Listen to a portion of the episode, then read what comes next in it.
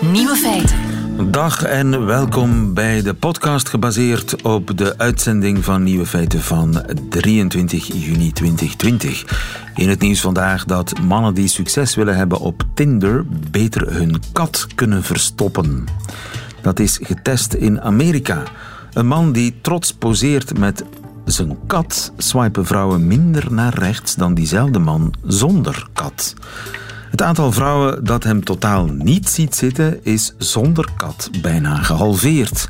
Mannen met katten worden namelijk gezien als minder mannelijk. In Amerika wel te verstaan, waar een broek die goed past al verwijfd is natuurlijk. Miaukes. De andere nieuwe feiten vandaag. Donald Trump noemt de presidentsverkiezingen nu al vervalst. Slimme mensen zijn slim, ook als ze niet nadenken. Vlindervleugels worden nooit nat en nooit vuil. We weten nu ook waarom. De nieuwe feiten van Johan Terrein hoort u in zijn middagjournaal. Veel plezier. Nieuwe feiten. Ook als ze niet nadenken, zijn slimme mensen slim. Blijkt uit onderzoek van uh, professor Wim de Nijs, cognitief psycholoog aan uh, de Sorbonne in Parijs. Goedemiddag, Wim. Hallo, dag lieve. Je hebt onderzoek gedaan naar intuïtie. Maar intuïtie, wat is dat eigenlijk? De manier waarop wij intuïtie definiëren is eigenlijk je buikgevoel volgen. Dus niet de tijd nemen om dieper te gaan nadenken, om aandachtig te gaan reflecteren over een probleem. Dus tot een besluit komen zonder te weten waarom. Ja, dat is eigenlijk intuïtie. Waarom heb je dat gedaan? Ik weet het niet. Intuïtie. Waarom moeten we hier naar links en niet naar rechts? Ik weet het niet. Intuïtie. Dat is buikgevoel. En wat wou jij dan onderzoeken? Wel, een van de, de klassieke visies op waarom iets wat we weten is dat intelligente mensen vaak juister redeneren als je ze um, eenvoudige wiskundige of logische denkproblemen geeft.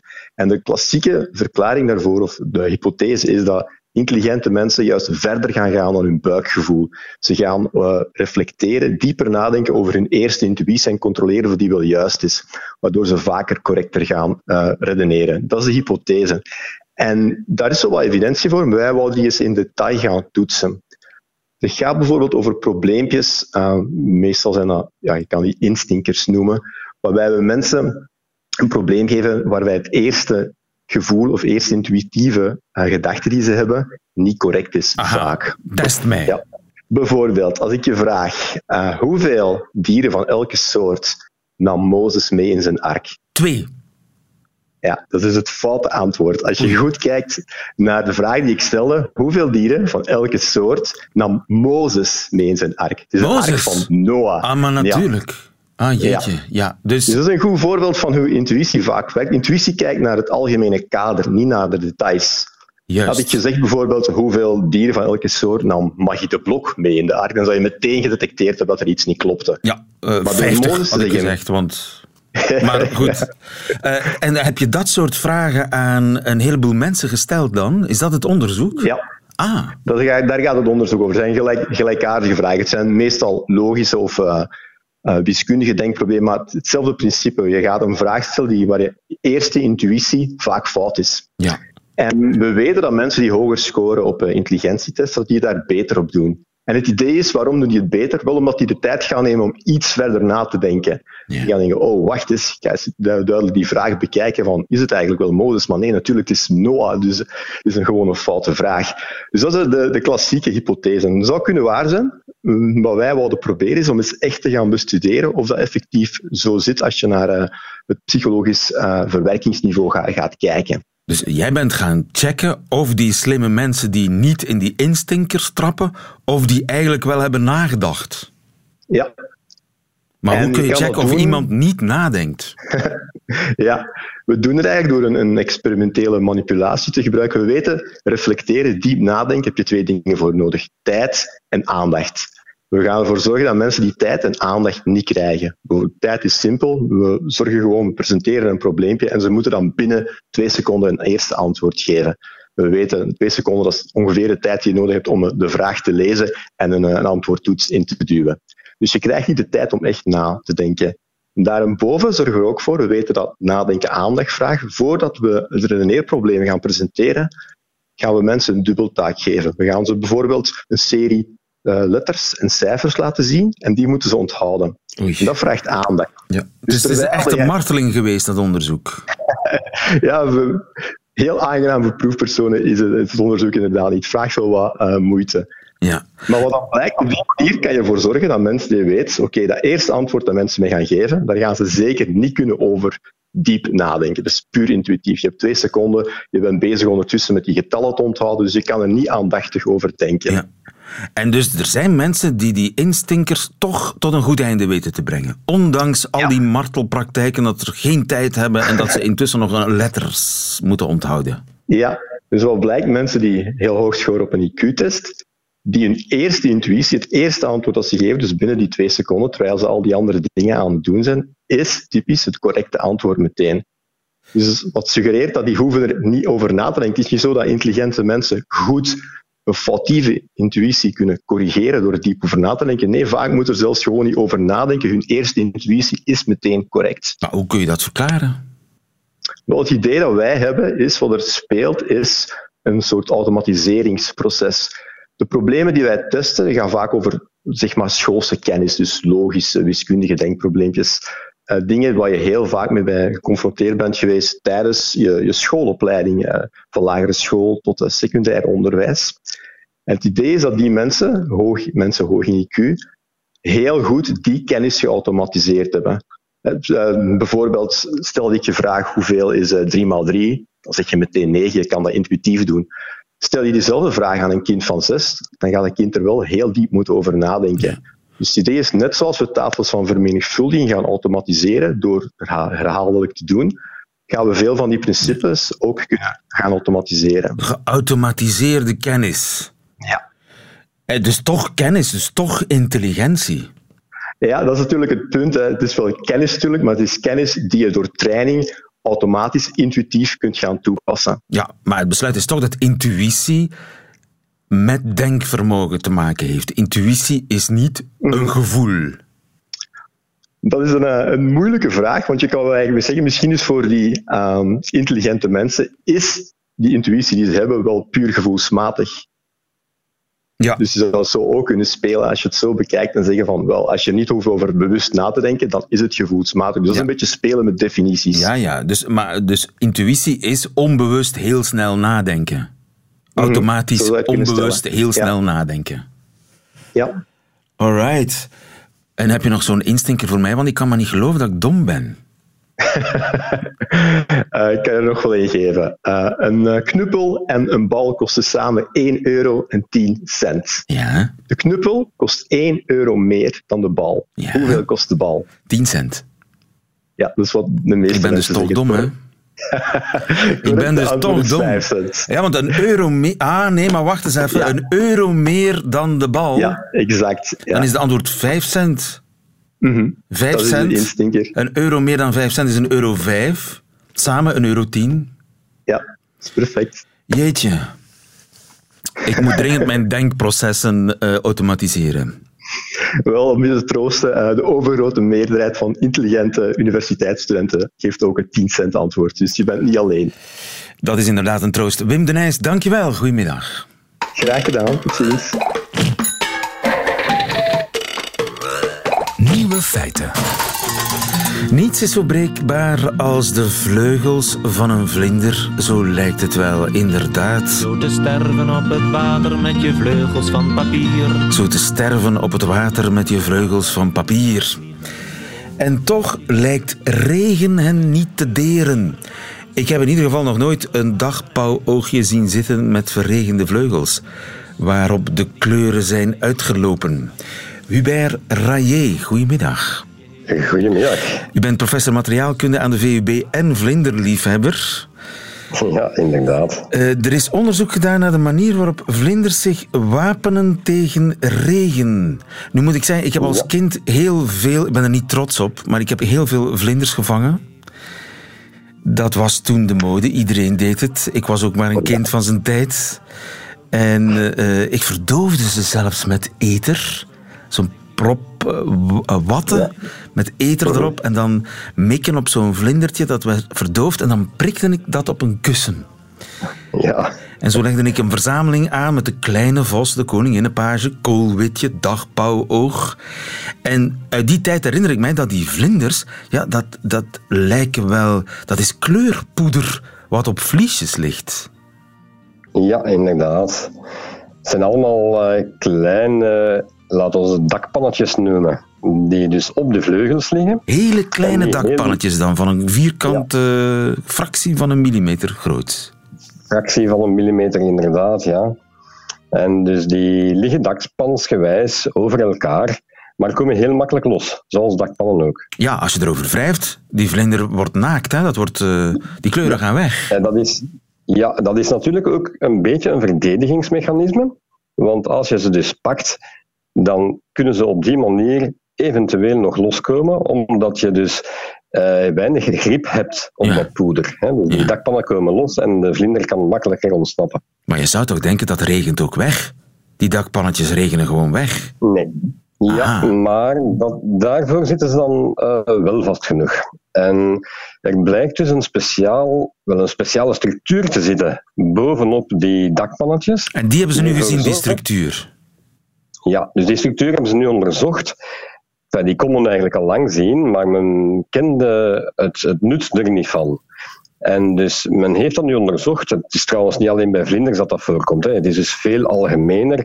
Um, eigenlijk zijn dergelijke effecten uh, al meer dan twintig jaar geleden voor het eerst beschreven voor de lotusbloem. He, dat was eigenlijk zowat de, de kampioen van de planten die in de modder leven, maar die er toch altijd heel mooi uitzien. En die gebruiken ook diezelfde regendruppels om zich eigenlijk proper te maken. Aha. Nu, ja, laten we eens kijken naar dus die structuur die daar bovenop ligt, op zo'n vlindervleugel bijvoorbeeld. Ja. Ten eerste heeft, heeft men daar dus een speciale stof op zitten die het water gaat afstoten. Wij gebruiken in de praktijk ook zo'n stoffen om uh, waterafstotende oppervlakte te maken. Hè. We gebruiken dat bijvoorbeeld op een vloer. Maar dus bij boenwas, een soort boenwas. Een soort boenwas, inderdaad. Ja. Dus iets dat het water gaat afstoten. Dus dat is het eerste mechanisme. Dat kennen we dus al redelijk lang. Nu, die boomwas die er dus bij de vlinders op zit, die is uh, supergoed. Hè? We noemen dat zelfs superhydrofoob. Dus als je daar een druppeltje laat opvallen, dat gaat het oppervlak eigenlijk niet nat maken. Zoals je daar net al zei, die vlinders die zijn, zien er nooit nat uit. Dat water loopt er gewoon zo af. Ja. Nu is er een tweede zaak.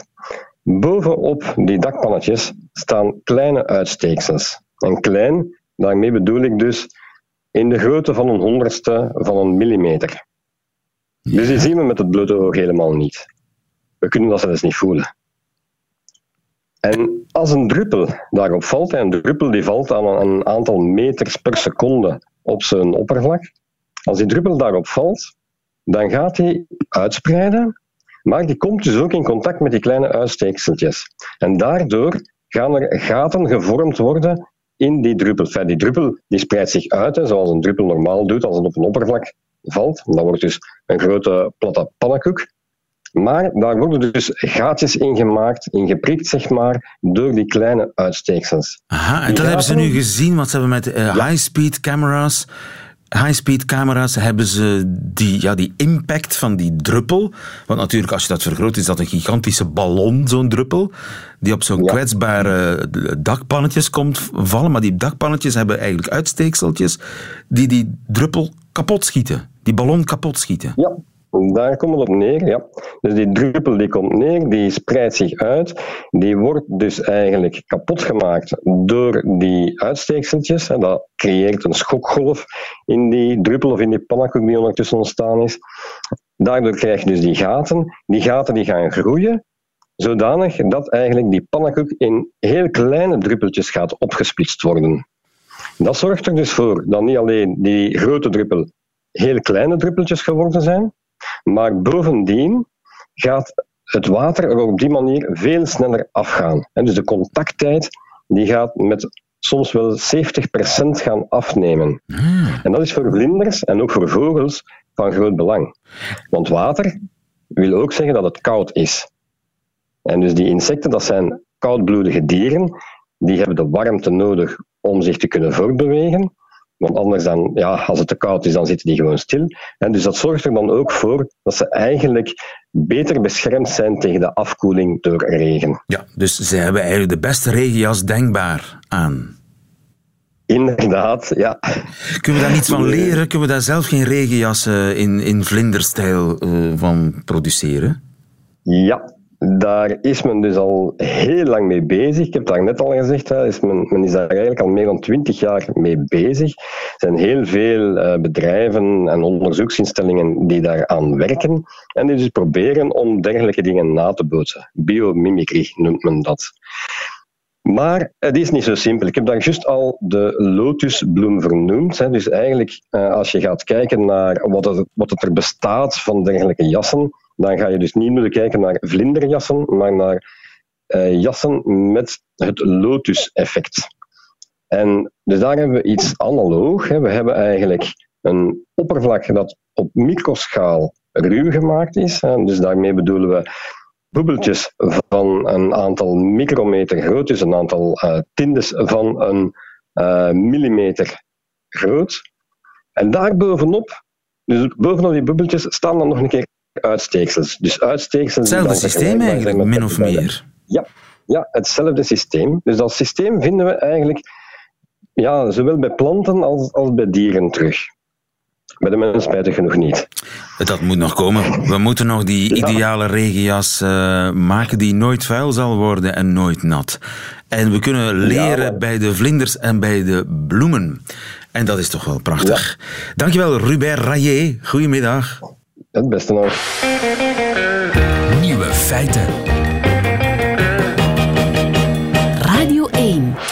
Donald Trump noemt de verkiezingen nu al opgezet spel, want, zo twittert hij, buitenlandse mogendheden zullen miljoenen valse stembiljetten drukken. Het wordt volgens hem het schandaal van de eeuw, die verkiezingen. Michiel Vos, goedemiddag. Goedemiddag, lieven. Onze man in eh, New York. Even serieus, Michiel. Het zou volgens Trump gaan om mail-in ballots. Dat zijn documenten om je stem per post mee uit te brengen. Die zouden Juist. massaal gedrukt worden door buitenlandse mogendheden and others en anderen. Uh, kun je daar dan zo makkelijk mee knoeien? Nee, zeggen veel experts. Maar toch zegt Trump niet voor de eerste keer dat met die mail-in ballots en ook andere manieren om te stemmen zal worden geknoeid in de aanloop en natuurlijk op de dag zelf, 3 november aanstaande, wanneer de verkiezingen zijn. Trump heeft het al een tijd over rigged elections. Inderdaad, uh, opgezet de boel is opgezet kaart. spel doorgestoken kaart. En beweert en dat hij dat zomaar? Of is, heeft hij daar ook bewijzen voor? De, of, ja. Nee, het is altijd heel dun aan bewijzen, moeten we eerlijk zeggen. Of je nou pro-Trump of anti-Trump bent, bij dit verhaal komen er altijd heel weinig bewijzen. En komen er altijd stevast in de Amerikaanse pers experts die zeggen dat fraude met stemmen of met stembiljetten op stemdagen dat gebeurt, maar het is miniem, minimaal. er zijn altijd een paar mensen die twee keer proberen te stemmen. Er is altijd iemand die al dood is, wiens stembiljet toch wordt gebruikt. Maar het is minimaal. Er is, niet, er is geen sprake van foreign countries, dus België, Frankrijk en Nederland, die nu druk bezig zijn met het printen der biljetten. Dat is gewoon niet zo. En jij zei, hou het serieus, maar toch, het is toch moeilijk om serieus te nemen. En toch doet hij het. Ja. Toch doet Trump Waarom het in de aanloop. toetert hij nu al de verkiezingen zijn fake? Ja, zijn tegenstanders denken natuurlijk, hij zit in een hoek waar de klappen vallen, want Joe Biden, zijn uitdager, doet het eigenlijk best goed. Joe Biden voert geen campagne, zit in zijn eigen kelder en maakt nu en dan een video, maar doet het in de peilingen redelijk goed. Beter dan Trump. Nou weten we allemaal dat we die peilingen niet moeten vertrouwen. Hè. Het is heel moeilijk om te peilen. In 2016 zou Trump ook niet winnen en won die gemakkelijk in uh, meerdere staten in de Electoral College van Hillary. Dus let daarmee op. Maar dit is een soort van PR-campagne. De eerste van een drietrapsraket zou ik zeggen. Die Trump onderneemt om te zeggen de system is rigged. Hè? Het systeem, dat is natuurlijk een thema van zijn presidentschap. Het systeem zit mij tegen. De pers zit mij tegen. De elite zit mij tegen. Ze hebben het geprobeerd via een impeachment. Ze hebben het geprobeerd om mij vanaf dag één dwars te zitten. Eigenlijk moet ik een nieuwe eerste termijn krijgen. Als ik, ook als ik verlies, kun je het. Uh, resultaat niet vertrouwen. Ja, maar waarom zou je überhaupt meedoen aan verkiezingen die je zelf opgezet spel noemt? Dat is toch raar? Ja, hij, hij verlaagt in ieder geval de verwachtingen. Hè. Hij, het, het systeem zit hem tegen. De buitenlandse mogendheden zijn al bezig met het drukken der biljetten. Hoe kan ik dan nog winnen? Ik, de man die het van alle kanten krijgt. Maar ik sta op voor jou, de gewone Amerikaan. En dus Dat is- moet jij gaan stemmen. Dat is eigenlijk de, de verkoopstruc. Natuurlijk, jij, moet, jij, de gewone man, bent de enige uitweg die de elite, de pers, de Washington Post, de New York Times, Jeff Bezos, hè, de eigenaar van de Washington Post, kan verslaan. George Soros, noem het maar op. Alle mensen die erop uit zijn, links, eh, buitenlands, eh, in, in de- bij de VN, binnen de VN, rondom de VN, die erop uit zijn om Trump onderuit te halen. Dat is de PR-campagne. Maar lieven, hij zou natuurlijk ook nog een stapje verder kunnen gaan. En het resultaat eventueel van 3 november juridisch kunnen aanvechten. Aha. Dat is de tweede trap. Dat kan hij natuurlijk ook doen. Want als hij minst- verliest, kan hij zeggen, zie je wel, ik wist het. Ik heb Ik het al wist gezegd het, ik heb het zien aankomen. Ja. Hè, en ik als federale overheid heb weinig macht over die gekke staten die een, de, de verkiezingen min of meer lokaal per staat zelf regelen. En veel van die regelgeving is per staat. eh, wordt dat geregeld? Hoe, wat voor stembiljetten, wat voor stemmachines, wanneer wordt er gestemd, hoe lang zijn de stembussen open, et cetera. Alle, alle wetgeving daaromheen zit meestal op statelijk niveau. Hij kan dat natuurlijk via zijn eigen federale ministerie van Justitie in zijn handen. Bill Barr, je weet wel, de minister van Justitie die precies doet wat Trump wil, kan die het resultaat aanvechten. En dan als derde, als minst voor de hand liggende, maar meest verrijkende maatregel, zou die nog kunnen proberen om, als die verliest, te zeggen: ik ga niet weg, want het systeem is rigged, hè, het is opgezet spel. Ik zet het leger in, of ik probeer een deel van het leger zover te krijgen om mij alsnog in het Witte Huis te houden. Er zijn niet veel mensen die dat geloven, maar er wordt wel steeds gesuggereerd, ook door Joe Biden, dat mensen verwachten dat als Trump verliest, hij toch het Witte Huis niet zomaar zal verlaten. Dat hij het gewoon niet kan verkroppen dat hij verliest. En Zelf dat, heeft dat Trump is hij gezegd, nu al aan het voorbereiden. Dat Nou, zou kunnen. Joe het Biden bijvoorbeeld- Ja, Joe, nou, door tweets en door meerdere opmerkingen. Bijvoorbeeld zou ik niet meer dan twee termijnen kunnen zitten als president. Als jullie dat willen, dan blijf ik langer. Eh, er zijn wel eens vaker dat hij opmerkingen maakt die hinten naar... ik ga me niks aantrekken van verkiezingen. Dat is voor prutsers, dat is voor politici. Ik ben geen politicus, ik ben een man van het volk. Ja, maar als, Joe hij, Biden dat, heeft als hij dat doet, Michiel... Het is nu al redelijk spannend op straat in Amerika met al die protesten. Als Juist. hij dat doet, dan krijg je toch een burgeroorlog. En al die fans Ja, van hem, die zijn vaak de straat, gewapend... ja. die gaan gewoon op straat komen. Ja, er Met is natuurlijk wapens. vrees dat zowel Trump-aanhangers, maar ook niet Trump-aanhangers, maar natuurlijk met name de Trump-aanhangers, dat dat de harde kern is. En dat die dan wel eens zullen zeggen: onze baas, onze voorman zegt: hè, het was door, doorgestoken kaart. We houden hem in het Witte Huis, desnoods met geweld. Nou, niemand, of tenminste, er zijn weinig experts die denken dat het zo ver gaat komen. Maar het zou wel kunnen, inderdaad. De, de boel kookt een beetje over op dit moment in Amerika. Ehm, Joe Biden heeft het al gesuggereerd dat hij wellicht het Witte Huis moet worden uitgeëscorteerd mocht de beste man verliezen. Nou, Donald Trump heeft zelf vorige week gezegd op Fox News dat is onzin, dat is een complottheorie van Joe Biden zelf. Als ik verlies, dan ga ik weg en dan ga ik heus wel iets anders doen. Dan horen jullie nog wel van mij. Goedemiddag. Ja. Eh, we weten het niet. De man is onberekenbaar, en de man gedraagt zich ook niet als een politicus. Nu, eh, meen ik mij te herinneren dat de vorige uitslagen van de vorige presidentsverkiezingen telkens een beetje discutabel waren. Dat er iedere keer discussie was over een aantal stembiljetten. Ik herinner mij dat, eh, ja, uiteraard vorige keer, maar, maar de, de keer daarvoor toch ook al met Obama. Dat was ook kantje boord. En, Het is altijd kantje boord. En het grote voorbeeld is natuurlijk Bush tegen Gore in 2000. Toen moest het Supreme Court eraan toe, aan, aan, aan, aan te pas komen om de uitslag uiteindelijk weken later vast te stellen. Daar was heel veel gedoe over stembiljetten, stem, hè, stemdistricten, met name in Florida. Dat, er zijn een paar staten die dit dus minder goed regelen dan andere staten. Hè. Er zijn een paar staten die altijd tot problemen leiden. Er, zijn ook, hè, er wordt natuurlijk ook veel gedaan aan eh, voter suppression, zeggen Ja, democraten. Het dus- wordt sommige mensen moeilijk gemaakt om überhaupt te stemmen. dus zo onwaarschijnlijk is het niet dat die verkiezingsuitslag zeer chaotisch zal zijn en discutabel Dat is niet zo onwaarschijnlijk. Ja. En dat Nee, en Trump zeker als je alles dat zal vuurtje gebruiken stookt. om alles zal gebruiken om, eh, om in het Witte Huis te blijven. Dat is niet zo Juist, nee, onwaarschijnlijk. het is, het is niet zo onwaarschijnlijk dat er weer een, inderdaad een uitslag komt die discutabel is. Die in sommige staten hangt op een paar stemmen, waarom een hertelling wordt gevraagd. Dan breken er meestal relletjes uit. Hè? Dat is meestal op zeg maar nerdniveau. Mensen die zich heel erg gaan buigen over stembiljetten in het verleden. Maar onder deze president zijn de zaken, de, de opinies aan beide kanten natuurlijk ernstig verhard. En dat zie je in de afgelopen weken. Ja. En waarom zou zich dat niet doortrekken in november? En houden veiligheidsdiensten, het leger, houden die daar rekening mee met dat scenario? Er wordt nu al door met name denktanks met behulp van het leger een klein beetje. Er zijn mensen die al scenario's aan het uitspelen zijn. Hè. Hoe, wat gaat er gebeuren als Joe Biden met een groot, eh, grote marge wint, met een kleine marge wint, of dat, dat Trump met een grote marge verliest, of beter gezegd nog met een kleine marge verliest. Dat is het meest riskante scenario. Dat hij zegt: luister, ik vertrouw het gewoon niet. Ik wil een hertelling, ik wil een herverkiezing. eh, eh, stand your ground, zal ik maar zeggen, op zijn Ja. Amerikaans Engels. We blijven gewoon. Ja, dat zou heel goed kunnen volgens sommige mensen. De meeste mensen denken daar gelukkig nog niet aan, maar inderdaad, de zaken zijn wel natuurlijk chaotisch, verhard. Eh, het, het, het debat is bitter geworden en heel bitter geworden. Dus het is op zich niet zo heel verrijkend. Ja, en in dat geval wordt Amerika dan de Verenigde Staten een, eh, een gevaarlijk land, eh, Michiel. Je kan altijd Dat zijn we terugkomen. Oh, dat zijn, dat, het is al een gevaarlijk land. Ja, dat zijn we al. Zie, zie COVID, COVID-19. Ik bedoel, we zijn al een gevaarlijk land dat zich niet aan de regels houdt en het veel slechter doet op allerlei niveaus Ja. dan andere westerse landen. Dus toch- dat zijn we al. Maar toch proud to be American, hè, Michiel? Juist, nog altijd. Nog, Nog altijd. steeds. Dankjewel, Michiel. Hou je goed. Nog Geen een dank, lieve. Radio 1. Nieuwe feiten. Dat waren de nieuwe feiten van 23 juni 2020. Alleen nog die van Johan Terrein hoort u in zijn middagjournaal. Nieuwe feiten. Middagjournaal.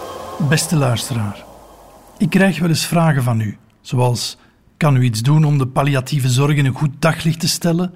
Of ik ben rouwcoach, mag ik uw teksten gebruiken? Of bent u nog altijd vrijgezel? Maar nog nimmer vroeg u mij of ik dat wel volhoud, dat vroege opstaan altijd. En of mijn bioritme dan niet naar de spreekwoordelijke zak is. En ja, nu u daar toch niet naar vraagt, sinds ik regelmatig het uur blauw, het uur voor zonsopgang, met iemand afspreek voor mijn podcast over rouw en afscheid in coronatijden, liggen mijn eigen tijden een tikkel in de war. Maar ik ben daar niet rouwig om, beste luisteraar. De vroege ochtend is nu van mij. Ik sta op en zet mij aan mijn bureau die uitkijkt op de tuin. Nu bijvoorbeeld schrijf ik dan een middagjournaal. Andere keren bereid ik me voor op een coachingsessie door wat bij te lezen. Tegenwoordig beluister en monteer ik opnames van het uur blauw. Het is het schoonste stuk van de dag. Het geeft je psychologische voorsprong op de rest van de wereld, of zo lijkt het toch. Is dit trouwens niet het uur van de Trump-tweet? Volgens mij denkt de Donald dat ook, dat hij op dit uur voorsprong kan nemen op zijn tegenstanders door weloverwogen verbale vuistslagen de wereld in te tweeten. Maar de Donald weet ook, tegen de middag komt dan dat fameuze klopke. Zeg maar klop van de hamer. Dan moet je even willensnilles de ogen sluiten. De onvermijdelijke middagdut is nu deel van mijn leven. Ik stel me zo voor dat de Donald even ophoudt met die veel te lange handtekening te oefenen op een papier in een map en zich opkrult in de ongemakkelijke Chesterfield die in zijn ovale kantoor staat. Liever zou hij zijn handtekenkunsten nog tonen aan al wie kijken wil, maar het kleine dutje dat zich opdringt is onverbiddelijk. Dat kleine dutje dat heel je voorsprong weer lijkt prijs te geven. Nadien word je een beetje versuft wakker. Er is dat korte moment dat je niet eens weet waar je bent en wat er gebeurd is. Sommige dagen duurt het best lang voor je doorhebt dat het al namiddag is. En als je op zo'n moment plots op een persconferentie staat over besmettingsgevaar, kan ik me best voorstellen dat je over goed poetsen met bleekwater begint. Langzaam groei je dan opnieuw de dag in, maar het wordt nooit meer zo goed als die ochtend. Benieuwd wat er straks met mijn bioritme staat te gebeuren als de theaters weer opengaan. Misschien krijg ik u wel overtuigd om ook om vijf uur 's ochtends naar een voorstelling te komen kijken. Misschien moeten we dat doen, beste luisteraar. En samen een kleine bedrieglijke psychologische voorsprong nemen op de rest van de wereld.